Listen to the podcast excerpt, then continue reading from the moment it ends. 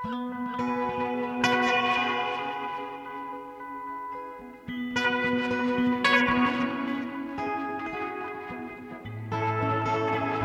og sæl, kæra lustendur, Guðni Tómasson og Halla Harðardóttir hels ykkur hérna úr hljóðstofu Viðsjár, þriði daginn 21. mars, sem er einmitt alþjóðlegu dagur ljóðsins.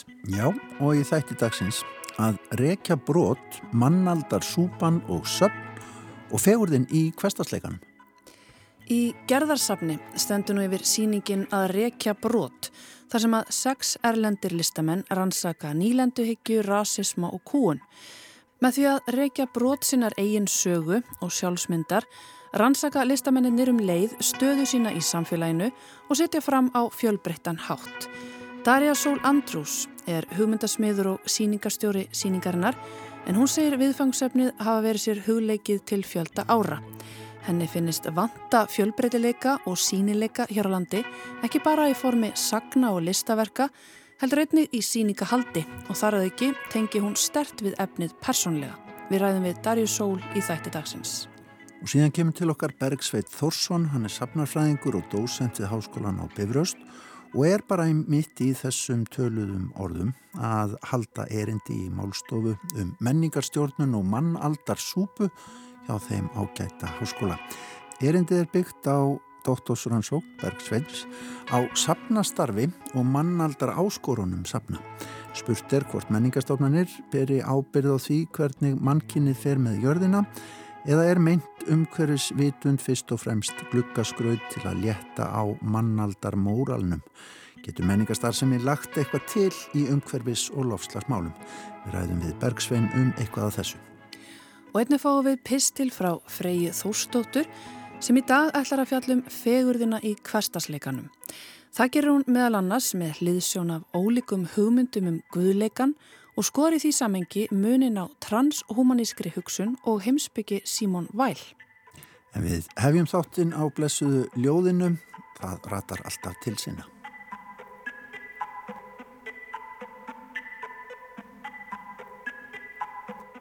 Í dag 21. mars er alþjóðlegur dagur ljóðsins svo að við getum varla látið þannig að þátt líða á þess að láta eins og allavega eitt ljóð berast til ykkar kæru hlustendur. Það er auðvitað úr vöndu að velja, eiginlega varla hægt að velja bara eitt út í loftið en við höfum samt gert það gunni. Jú, við leituðum í þennan, já, eiginlega pakka ljóðalestu sem var til í COVID-faraldrinum hér, hér í Víðsjá. Í skemmtilegu samstarfið ásara eitt við þjóðleikúsið. Þar komu gestir í heimsókn, þið muni kannski eftir því þegar við máttum alls ekkert hittast hlustendu góður, en það komu sem sagt gestir í þjóðleikúsið einn í einu til að hlusta á ljóðalestur. Á sviðinu stóð einn einsamall leikari, í salunum einn gestur Við skulum grípa niður í eitt svona lestur úr kófinu. Ágæti leikúsgestur Guðrún Lára Péturstóttir. Vertu hjartanlega velkomin í þjóðleikúsið. Vinsanlega slögt á farsímanum, þó svo ljós frá honum, trubli ekki aðra gesti. Góða skemmtun. Svo að tjaldið dreyði frá.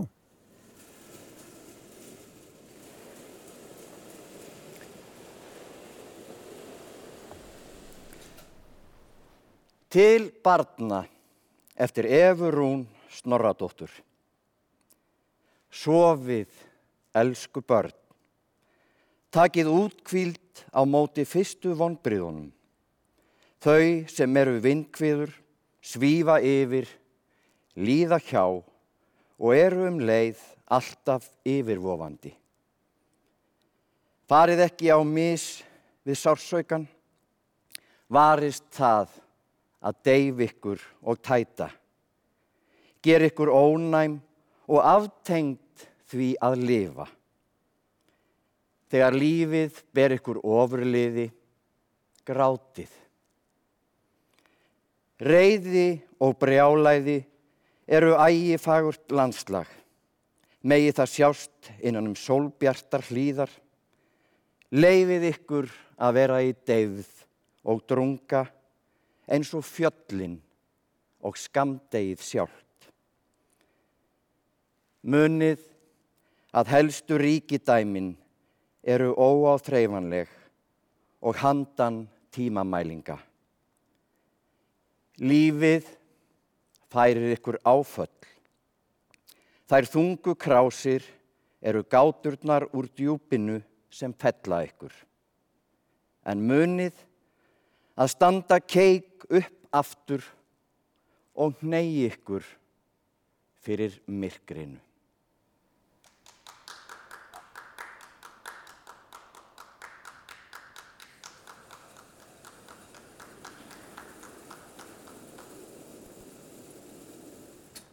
Þröstur Leo Gunnarsson las þarna ljóð eftir Efurún Snorradóttur, ljóðið til barna og þarna heyrðu við eitt gest klappa út í sall. Já, þetta er eins og þetta sé bara úr annari tímavitt. Það er eh, örstuðt síðan þetta var en mann líður samt eins og þetta hafi bara gest fyrir já, miljón árum held ég sem þá. Já, bara í fornöld. Mjög sérstakt að hlusta á þetta. Þetta er merkileg heimild, þessi löðalöstur. Heldur betur, skemmtilegt verkefni. En uh, já, við getum líka bent ljóðaunnendum á viðbur sem að mun fara fram á vorjapdagri, 5. daginn núna, 23. mars í borgabókasafninu Kringlunni. Þar koma saman eh, þrjár skáldkonur, það er Linda Viljánsdóttir, Ragnæður Lárusdóttir og Brynja Hjálmsdóttir og það er alltaf að ræða um skáldskapin og sköpunaferlið. Sérstök áherslu að vera lögð á bækur þeirra, hum, kona, spendýr og kona lítur við En þessa bækur er það sameilagt að fjalla allar að einhverju leiti um það að vera kona. Svo má nefna á förstutaskvöld hefst ljóðaháttíð, ný ljóðaháttíð sem heitir Ljóðið lifi. Hún fer fram í Hannesarholti og það er þessuna nóg að gera fyrir ljóðaunöndur sem eru líka félagsverður því að flestir horfa jú á ljóðið sem prívat aðtöfn að lesa ljóðabækur og þetta var nú virkilega prívatatna í þjóðlíkusinu áðan. Mm -hmm. En úr ljóðunum þá ætlum við að fara yfir í mannaldarsúpu. Já, hvað er það? Bergsveit Þórsson, hann er sapnafræðingur og dósent við háskólan á Bifröst. Hann er að klára bara núna í þessum töluðum orðum að flytja erindi í málstofu hjá skólanum sem að fjallar um menningastjórnun og mannaldarsúpu. Við fengum Bergstein í heimsókn og spurðum hann út í það hvernig söpnin koma inn í lofslagsmálinn öll saml? Það hefur heilmikið sko, átt sér stað innan vekja sapna hvað var það sko miðlun á lofslagsmálum um, og það hefur reglulega verið bent á einmitt að sko söpn og, og í raunni menningarstofnarnir svona aðeins víðara að það eru sko vel til þess fallnar að taka á uh, lofslagsmálum um, því að þetta eru stofnanir eða þú veist við getum kannski líka bara talað um bara menningu, skapandi greinar svona í, í helsinni að þetta er svið sem að hefur heilmart fram að færa inn í sko bara bæði lofslagsmiðlun og líka bara þetta samtal um, um lofslagsbreytingar að því að þarna er hægt að taka á kannski þáttum sem að hafa ekki verið eins sko sínilegir í umfjöldun um lofslagsmál, þú veist það er verið að tala um, getum hort á lótsansmálinn svona út frá kannski sögulegu samingi og þetta listræna samingi líka sko að hérna, þú veist við getum talað um, ég meina bara svona einstaklingsbundna nálgung akkvært þessu, það er mikið náttúrulega að talað um lofslaskvíða í dag þannig að þetta er, þetta er tilfinningamál mm -hmm. uh, þetta hefur líka að gera með bara sko tengist inn á í rauninni bara gildi uh, menningarleg gildi og hvernig við sko bara upplifum okkur sem samfélag og hvað við sko leggjum mat á hvað okkur þykir vera mikilvægt mm. og sko söpn og bara menningarstofnanir eru geta skapa gott rými fyrir einmitt kannski þennan þátt e, í svona lofslagsmiðlun mm. um, við náttúrulega vitum í rauninni bara þau sé lofslagsvísindum þá vitum við rosalega mikið við, við, bara, við höfum mjög góða mynda því sko í hvað stefnir mm. en vandamáli hefur náttúrulega verið að að þrátt fyrir að við vitum þetta allt saman að við höfum ótal mikið af gögnum um bara hvað, hvað er að gerast hvað hefur gerst og hvað mun gerast við getum sett fram mjög svona bara góðar sviðsmyndir um hvað, í hvað stefnir. Mm. að þá hefur þetta einhvern veginn ekki alveg ná að skila sér inn í sko bara veist, stefnumótun eða aðgerðir. Veist, það hefur verið að tala um sko mikilvæg þess að, að hérna, hugsa um mótæðisaðgerðir og aðlöfun og svona Um, en það er einhvern veginn eins og að sé eitthvað sem vandar upp og til þess að ná þessu sko skrefi að, að þessi vitneski að skili sér í sko raunlega breytingar mm. og það einmitt á þessum stað sem að ég held að sko menning og skapandi greina geta lagt sitt að mörgum einmitt til þess að svona að setja lofslagsmálinn í kannski víðara samingi, setja þetta bara í svona já, menningalegt samingi einstaklingsbundi, við getum talað um sko bara, þú veist, að horfa á þetta út frá listrænum áherslum uh, horfa þetta út frá líka bara sögulegu samingi og, og það, þetta eru sjónarhótt sem að hjálpa heil mikið til við að einhvern veginn að svona bara átta sig á umfanginu og, og, og í rauninni afleiðingum loslasbreyninga að mannavöldum. Að þú veist hversu mikil áhrif þetta hefur á bara samfélagið heilsinni, þetta er ekki bara spurning um sko hérna tölur og gögn, þetta er líka tilfinningar, þetta er líka gildi og þetta er, veist, þetta er líka pólitík þannig að hérna að söfn uh, eru mjög áhugavert rými þar sem að þessi, þetta samtal getur átt sér stað sko. Mm. Nú, nú sér maður alveg dæmi þess uh, ef við hugsaum um svona, já, mismjöndi gerðirsafna, maður sér til dæmis í myndlist og bara við getum tekið dæmur íslenskri myndlist að það er svona þungur undirtótt oft í verkum ákveðinar listamanna, ég mitt eftir í hug bara svona, ég man eftir Anna Lingdal og, og, og Rúri hafa til dæmis í verkum sínum fjalla mikið um þessa umhverfisvá og lofslagsvá maður skilur þetta þar að það er verið að leggja fram ákveðin gögn í rauninni í myndlistarformi eða það er búið að vinna með ákveðin gögn oft í, í myndlistarformi. Rúri var til dæmis með strandlínutnar sem að, sem að hérna, fara lengra og lengra inn í landið eftir sem líður áfram í, í, hérna, í framtíðina. En hlutir eins og til dæmis þjóðminjasöfn eða minjasöfn mm -hmm. uh, séruð fyrir að þau séu geti stíð inn þarna líka og, og hérna, tekið þátt? Já, alveg, alveg hygglust sko. Og hérna, og það er til dæmis það sem ég nefndi á þann, þetta er svona kannski sögulega samingi sko, mm.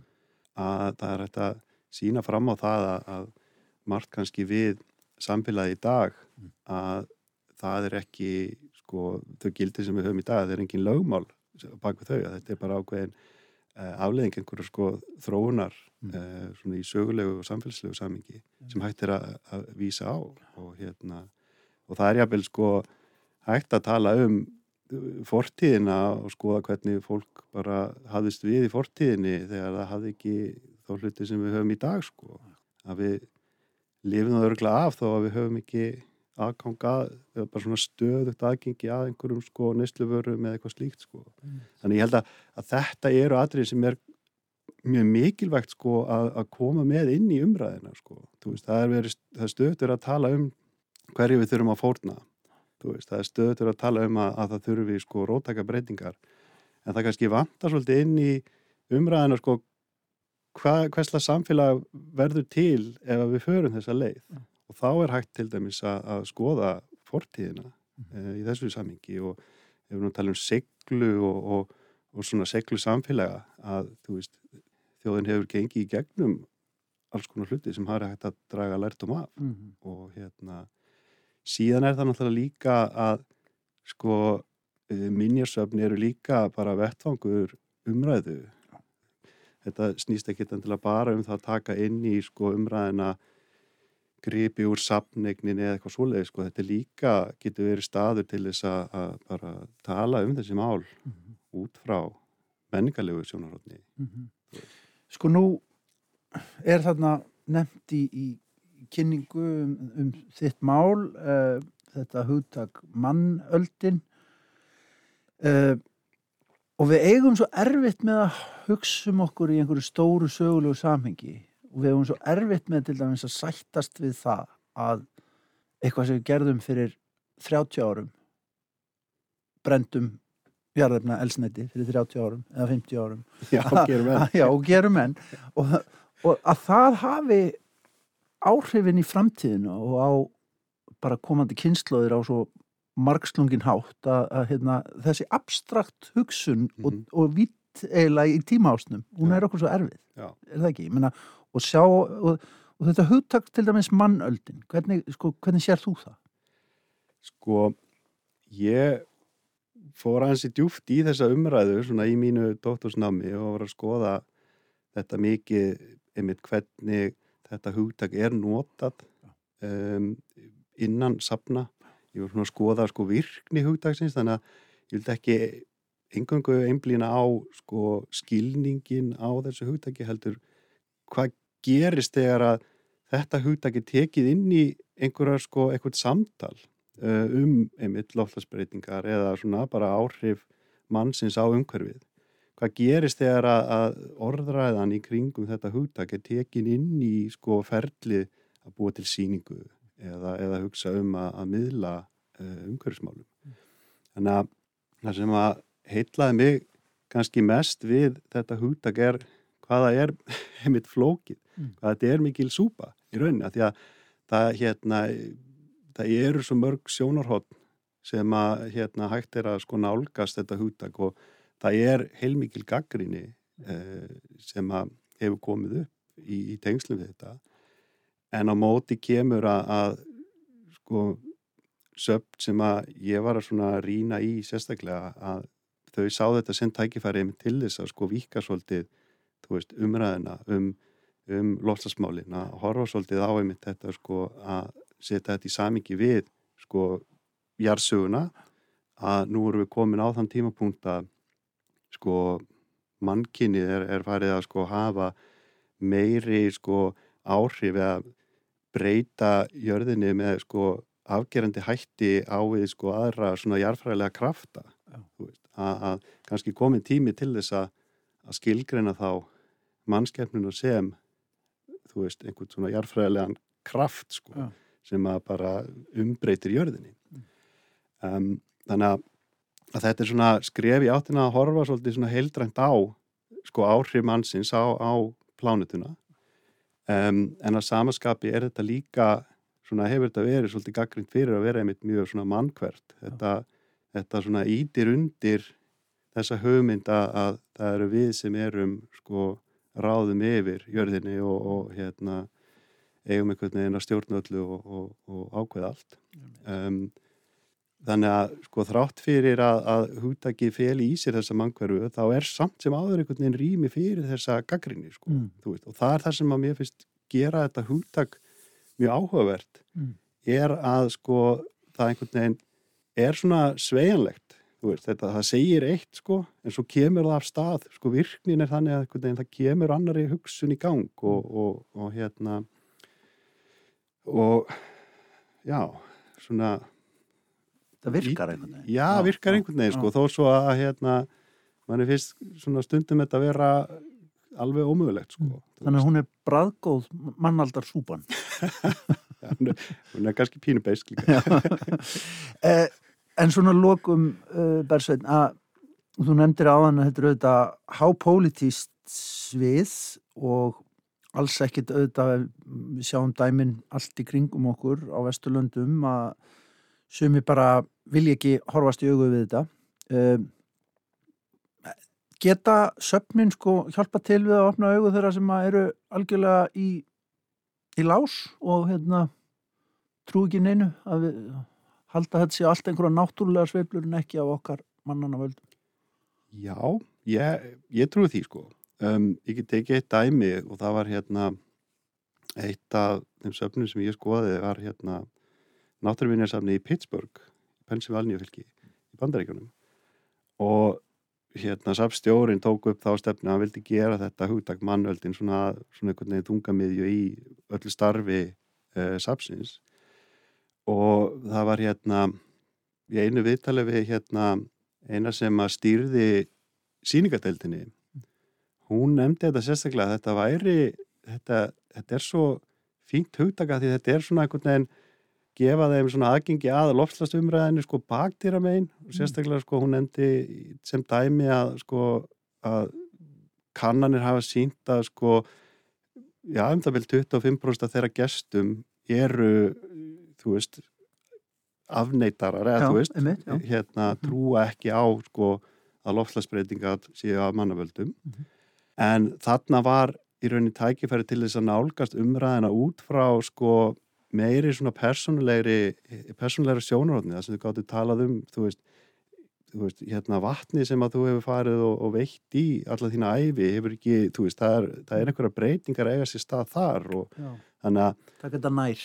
já, akkurat, þú veist og það er líka svona kannski er svona það sem er svo áhugavert við þessa umræðu eða, eða þetta mál bara hvort sem það eru loftlasbreytingar eða þú veist, breytingar umhverfinu, mannöldin bara í heilsinni, að hún er í, bæði í sennsku, hún er þú veist, þessi, hún er persónulega en, en veist, og, og þetta snýst svona um nærumhverfið, en þetta er líka þú veist, öll plánitan í, í húfi, sko Já.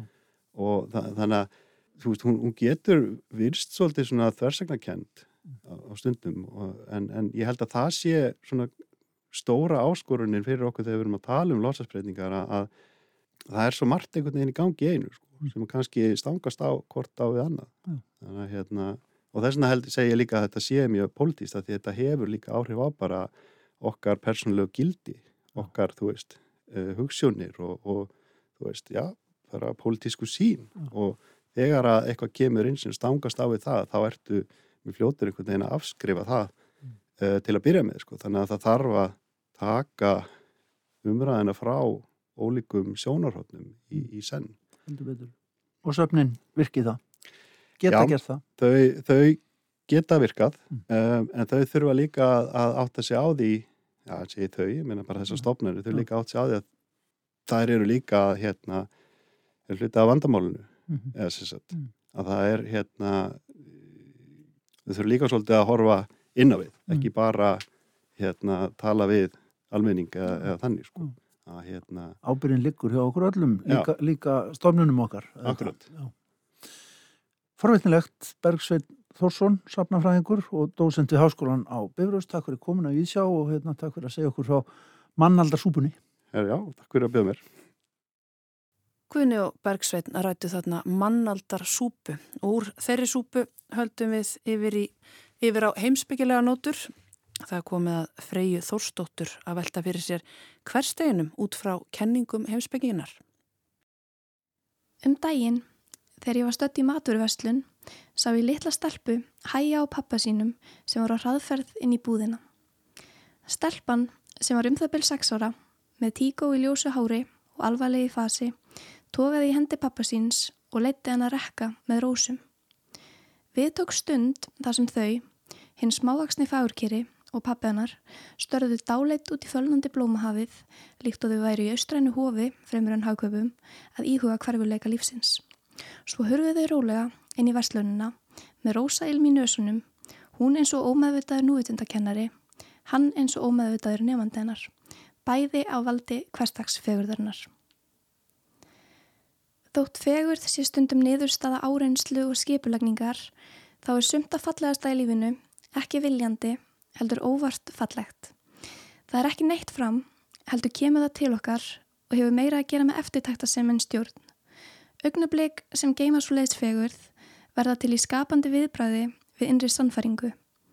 Þau engjannast kannski af trúni á gildi þess sem hefur ekki hávara nærveru, þess sem er auðvalt að hundsa en gerir vart við sig hið innra og byður um aðtikli. Gildi þess sem hjartað skilur betur en heilin og þess sem innsæið og fegurðarskinni nema frekar en raukvöksunin eins og gerist í tilfelli áðurnemndra stelpu sem hreifst svo mikið af rósunum að hún leiði þeim að draga sig til sín og pappa sinn með. Hverstagsleikin er fullur af svona fegurð. Ég sé fyrir mér vinkunu sem heldur ástriðu fulla kvartningaræðu fyrir aðra sem er tárvotar kinnar og ælænir niður á höku er tímabundið búin að glata trúni á lífið en öðlast endur nýðan kraft. Sé fyrir mér barn sem heldur jarðaför fyrir gullfisk, kemur húnum fyrir í eldspítustokki, grefur hann í jörðu og fyrir með litla bæn. Sé fyrir mér kött sem skinjar að eitthvað er að og bregst við kjökri eiganda síns, strjúkandi loðnum líkama sínum upp við hann. Tilfinningin fyrir dýrmæti tilverunar er samt hverful og sumir þurfa að hafa meira fyrir henni en aðrir. Fegurðin hættir ekki vera til, en sjálf færumst við inn og út úr namninni. Undrumst eina stundina yfir segðmagni tunglsins eða gesku góðs vinar og pyrrumst þá næstu út í tilvistina, út í ástand heimsins, ófullkomleika okkar sjálfra eða hvers annars, tilgangurinn með öllu stúsinu fullkomlega óljós. Samt er eins og svo tilfinning fyrir lífinu sem er blanda af undrun og þakklæti, líkið dýbra en margar aðrar. sé sannari en það sem gefur til kynna að tilvistins í merkingarsnöðu byrði sem þarf að flýja eða breyta. Enda eigum við það til að skinja verið lífsins djúft, að finna fyrir þakklætinu þegar eitthvað stórt og óvænt gerist sem vekur okkur á dvala og ræsir aðteglina.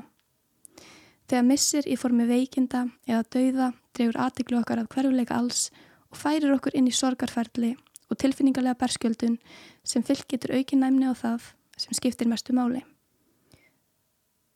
Þótt að sé ekki þægilegt eða auðveld að vera á slíkum stað þá tengir hann okkur augnablikinu meðan hefur gagstaða gerist þegar við týnumst í árátturkjandri hugsun eða nýstlu óhófi. Og þegar við vöknum á transinum finnum við ofti sorgar yfir sóðu tækifæri til að vera alveg hér, alveg til. Tilnæging sem eru vissuleiti eðlileg og handan okkar stjórnar en getur fengið óþarlega mikið plás til að grassera á okkar tímum. Það er lítið mál að gleima að líta inn á við, að hverfa inn í hraða og áreiti.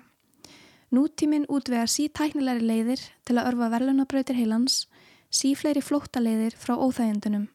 Ánægjan er auðfundin en fallið sumu leiðis. Við venjumst því að sveiplast upp í notalega dopamin hæð og rapa síðan niður í andleg þingsli.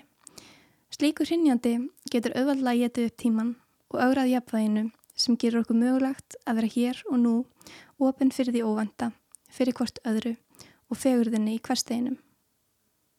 Franski hugsuðurinn Simon Weil taldi að ebling aðteglinnar og beiting hennar og gefandi hátt tengdu okkur guðleikanum. Hún sagði að aðtegli veri gefumildi í sinni fágætustu og tærustu mynd.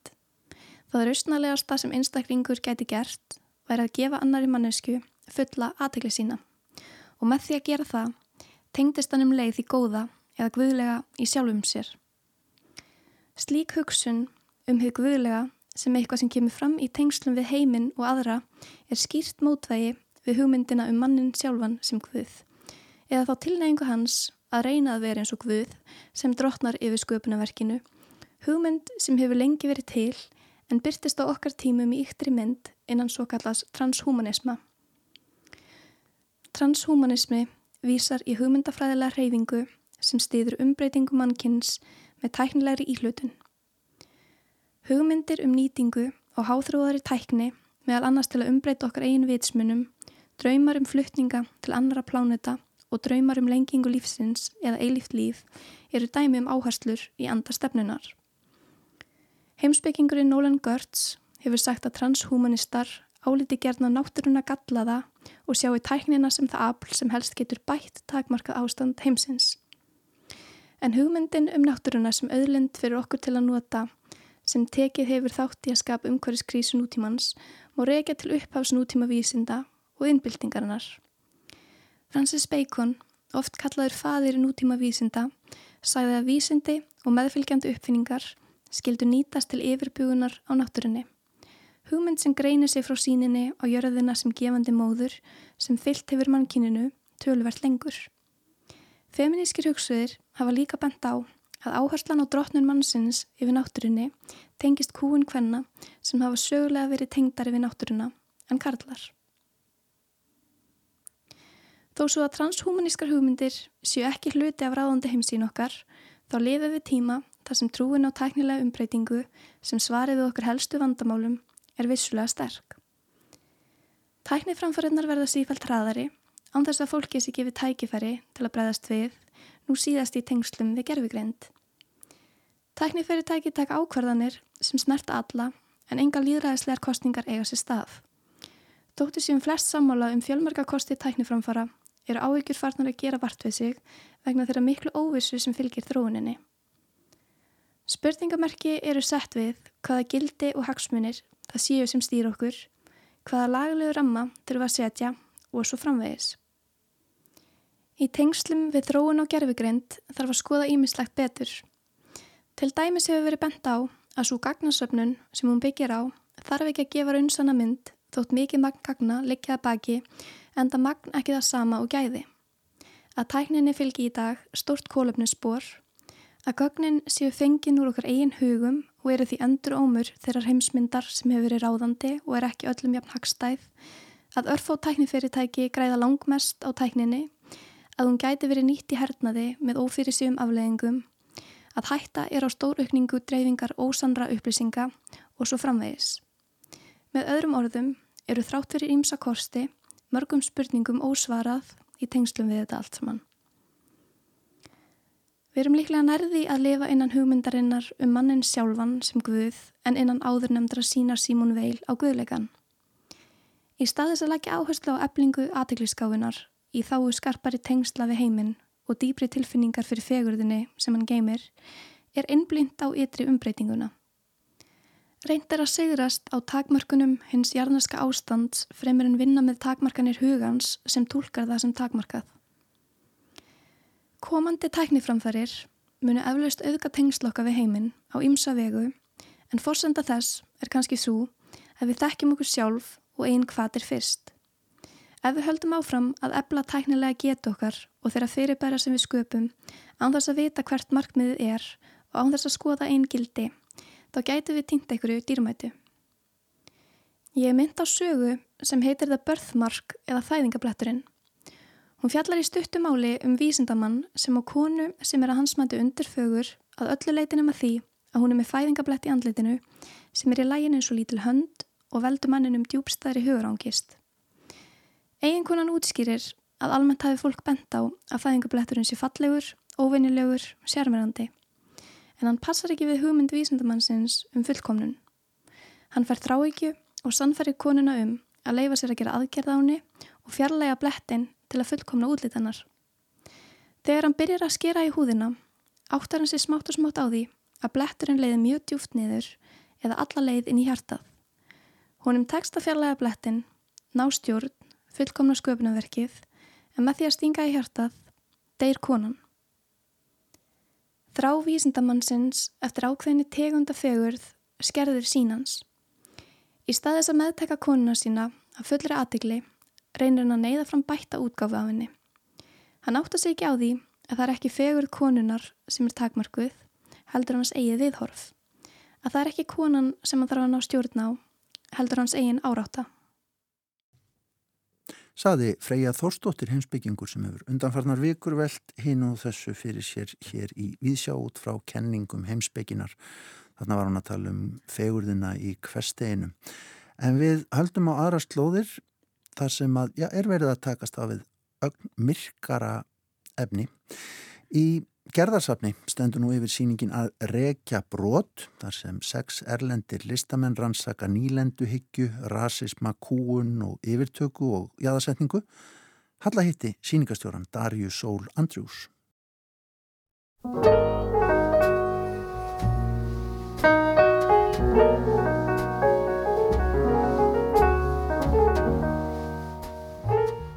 Sýningin fjallar um nýlenduhyggju Uh, kúun og yfirtöku og hvernig listamennir um, eru að endur skrifa sögu kúunar og yfirtöku til að skapa nýja sögu.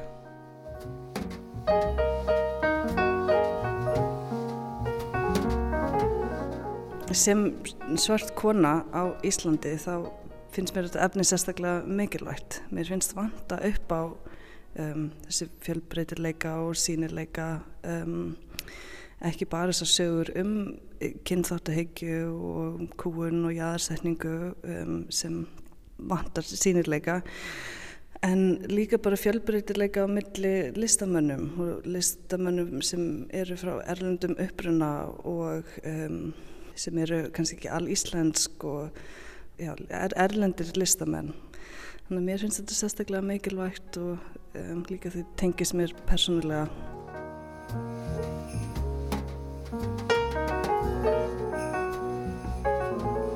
Segðu mér aðeins frá þessu listamönnum og hvað þau eru að koma. Já, um, það verður kannski hægt að fókusera á um, efniskendin á síningunni þegar við erum að tala um hvernig listamennir tengjast öll saman. Mm. Því það er eitt sem þau hafa all sameinlegt er að efniskendin er rosa mik mikilvæg þegar það kemur að, að prósessera og vinna úr þessar erfiðar og, og flóknar sögur. Um, já, þannig að listamennir eh, er að vinna með marga ólíka miðla, handverk, skrásetningu, skúldur, vídeoverk, hljóðlist, málverk, uh, ljósmyndun Einmitt, þetta er alveg ótrúlega fjölbreytt verk. Sýningin er sett upp í tveimur sölum. Við skulum svona staldra aðeins fyrir framann, mm -hmm. fyrir framann nokkur þeirra. Ef við kannski bara byrjum hér á þessum sko, þessum risaskúltúr já, eða innsetningu. Hér getum við gengið um, þetta er eins og einhvers konar sölubás, Darja. Hvað eru við að sjá hér? Hér er innsetningsverk eftir listakonin Cathy Clark um, sem er bandarísk og kórask listakonin sem býr hér á Íslandi innsetningin heitir ég dett niður sjösunum stand up átta. I fall down seven times I stand up eight. Verkið fjallar um sögu móður Kathy sem lifið af Hiroshima springinguna í Japan. Þannig að þetta er svolítið já, stert og erfitt hérna, viðfangsefni. Mm -hmm. og líka mér persónulegt. Kathy er að reykja þessa sögu móður hennar og hvernig hún liði af þessa sprengju og sögurna sem mamma hennar saði Kathy fyrir einhverjum árum. Mm. Þannig að Kathy og fjölskyldina sískininn hennar um, vissi ekki af þessu fyrir að hérna, Kathy var orðin 25 ára 30. Móður hennar var aldrei búin að segja frá þessu, skipur að þetta var það traumatíst að hún gati ekki hugsað aftur um þetta. Já, þannig að hér er hún búin að búa til ákveðin heimur sem vísir í þetta atvegg. Um, það er eina markaður hérna sem á að vísa í að um, þegar mammanar var ung á þessum tíma þegar sprengingin var þá um, vann hún við, uh, vann hún í svona markaði þar sem hún var að sækja fisk og kjöt og, og labba með það marga, marga, marga kílometra heim til fjölskyldunennar til að selja fiskin síðan og hún var akkurat á, á sveipuðu markaði þegar springingin gerðist. Um, það er ljósmynd hérna sem er emitt af mömmunar á þessum markaði sem hún er búin að búa til upp á nýtt. Um, síðan lappa maður inn í lítinn heim hérna þar sem hættir að setjast niður og um, skrifa síðan sínar eigin minningar til fólk sem að maður hefur mist í sínu eigin lífi hvort sem það er fólk sem liða Hiroshima eða bara fólk sem tengis manni persónulega. Þannig hún er búin að setja hérna í skál 130.000 um, hrísgrjón sem eru hversu margir dói í Hiroshima sprenginguna og um, já, hættir að skrifa svona litla kveði og hengja það upp í hennan heim sem hann er búin að búa til síðan er annar partur af innsetningunni er um, hljóðverk um, þar sem móðir Kathy og sýstur hennar eru að segja frá söguna þegar mammenar liðið af þessa sprengingu. Um, þannig fyrir einhverjum árum þá saði mammenar lagsins frá þessa sögu og í hljóðverkinu þá er sýstir Kathy að rifja upp söguna sem mammenar saði þeim fyrst. Og síðan um, í setni hluta hljóðverksins þá segir mammenar sjálf hérna, frá þess aðviki hvernig hún mann eftir því núna. En það er áhugavert hvernig þessar sögur er passi ekki alveg saman. Og það sýnir líka bara hvað minnið er stert og öðruvísi og það er mjög áhugavert að heyra hvernig, hvernig sögurnar eru mismanandi And these grids and the walls of the buildings around her fell on top of her. And I think the thing that saved her were these bamboo grids because she was trapped underneath all the debris underneath these bamboo grids. And she said that she was trapped under there and she was calling and crying and crying and calling, Help, help me, help me. And no one would help her no one could hear her. I think it was must have just been crazy mayhem. And she said that she lost consciousness or she fell asleep or something. Um, and then she'd wake up and she'd yell, Help me, help me. And she says she has no idea how long she was underneath this debris pile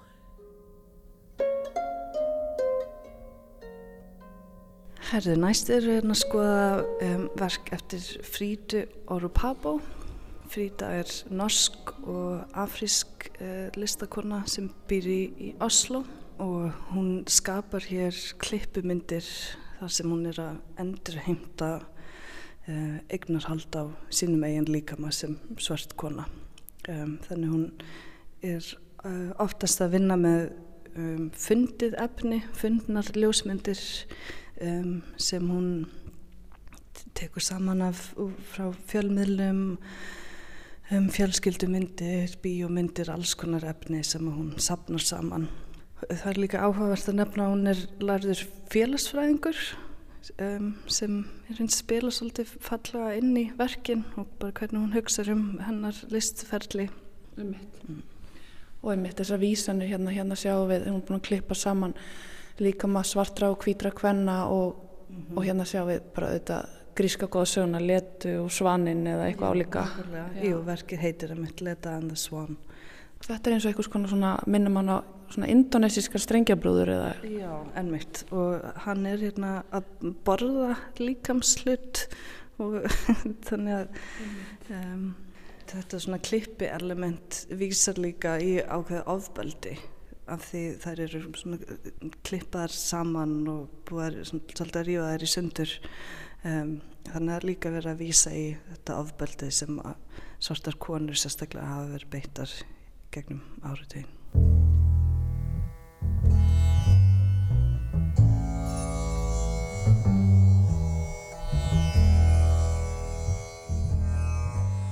Hér höfum við fallið um málverk eftir Abdullah Qureshi.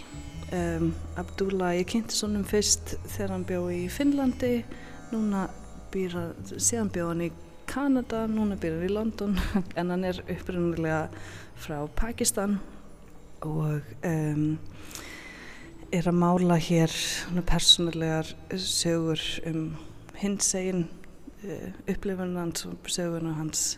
Verkin eru frekar uh, romantísk og um, líka abstrakt og figuratív málverk. Já, þannig að sem múslimi og um, samkynniður maður þá er hann að reyna að endurskrifa sína eigin sögu og um, finna sinn stað. Mm. Ég sá öðrum stað á síningunni fleiri verk eftir hann. Það var ein mynd þar sem hann er í sánu og er að vísa þess að finsku menningu. Já, og titlanir líka að vísa í um, hvað verkin eru persónuleg um, mm. en svo nokkur að heita Chris eftir manni sem hann var að mála mm. um, og hann talar um að oft eru verkin um, málað live í, í persónu sem gerir þá enn meira intimate Einmitt, það er eitthvað mikil námt hérna mm -hmm. Það er skemmtilegt hvernig þú hérna hólvar ekki listamennu niður heldur lætur verkin svona flæða á milli rýmana og blanda þeim saman? Já, já það var alveg sérstök hérna, ákvörðun að það er svo mikið sem tengir þau all saman. Þannig að mér fannst það bara ekki passa að hafa eitt listamann hér, eitt listamann hér. Um, það er svo fallega svona litlar tengingar á, á millið öll verkin. Hér eru við síðan komnar til Grænlands. Já. En þetta er ekki beint þessi stereotypíska mynd af Grænlandi sem við erum, við erum vöna að sjá. Nei, nákvæmlega. Uh, hún er ljósmynda sem heitir Inutech Storch og er jú frá hann að Grænlandi og hann er að mynda hér með hverstastleika grænlendinga líka endur heimta þessa sögu grænlendinga og frá sjónarhorni eitthvað sem er þaðan, frá sjónarhorni grænlendings og já, það sem hann er líka fjall um í, í, í þessi verk er hvernig skrásetning Grænlands og grænlendinga hefur alltaf verið frá sjónarhorni nýlenda herra eða bandarískur ferðamæður eða eh, einhver kvítur einhver sem er ekki frá Grænlandi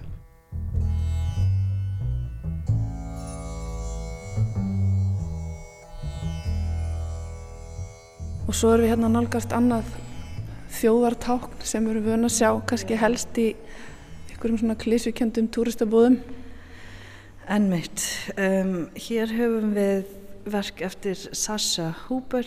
Um, verki heitir Free Svarti Pét sem um, vísar í Svarti Pétur í, í Hollandi mm -hmm. sem er mjög rasísk hefð í kringum jólinn um, þar sem fólk klæðir sig upp í, í blackface og um, Þannig með þessu verki hér er hún að mm -hmm. já, vísa í það. Hún búið til hérna, klossa hérna og með klassísku hérna, heftana sem hún er að vinna með. Hún er, vinnur með hefti bissu í verkunum hennar sem vísir í ákveðu ofbeldi. Um, hún kallar að skjóta verkin sín af því að það er svo mikill kraftur sem kemur úr hefti bissunni. Já, það er þessi hollensku klossar sem hún er einmitt líka búin að sverta áður en hún skýtur þá með heftubissunni og það eru fleiri verkefna eftir hana við svegar um síninguna mm -hmm. sem eru einmitt öll með þessum, þessar suma aðferð ekki? Jú, en hún er að vinna með heftubissu um, en verkin eru mjög ólík hún gerir portrættverk og skúldurverk og um, er að nota heftubissuna sem leið til að vísa í ofbeldi og líka minnast fólki sem hefur mist þeirra út af lauruglu ofbeldi eða kynþáttu ofbeldi og eins og hér höfum við verk sem um, heitir This is America og um, skothelt vesti þar sem hún er búin að skjóta með hefti bissuna hjarta á vestinu sem á verkið er til minningar Ahmed Arbery mm -hmm. sem var skotin til dauða lauruglu ofbeldi um, hann var bara að lappa neyru götuna og hlusta tónlisti með hernatól og var skotin um, já þannig að mörg verk hannar vísa emmi til fólk sem hafa mist líðar át af þessar aðstæður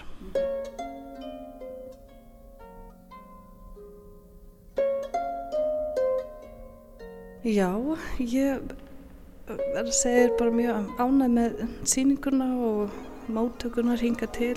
Um, markmiðið mitt með þessa síningu var að auka samtalið í kringum þetta viðfangsefni sem að mér finnst hafa tekist. Um, líka koma fólki saman og ef að fólk kemur á þessa síningu og fer heim síðan setjum kvöldið og byrjar aðeins að tala meira um þessi málefni um, þá finnst mér ég hafa já, tekist að mínu markmiði komið sér listamönnum saman líka við varum mjög glöða margir af listamönnum sem eru erlendis frá gáttu komið og, og um, já, skapa nýtt tenglunett kringum listina og mjög ánæg með það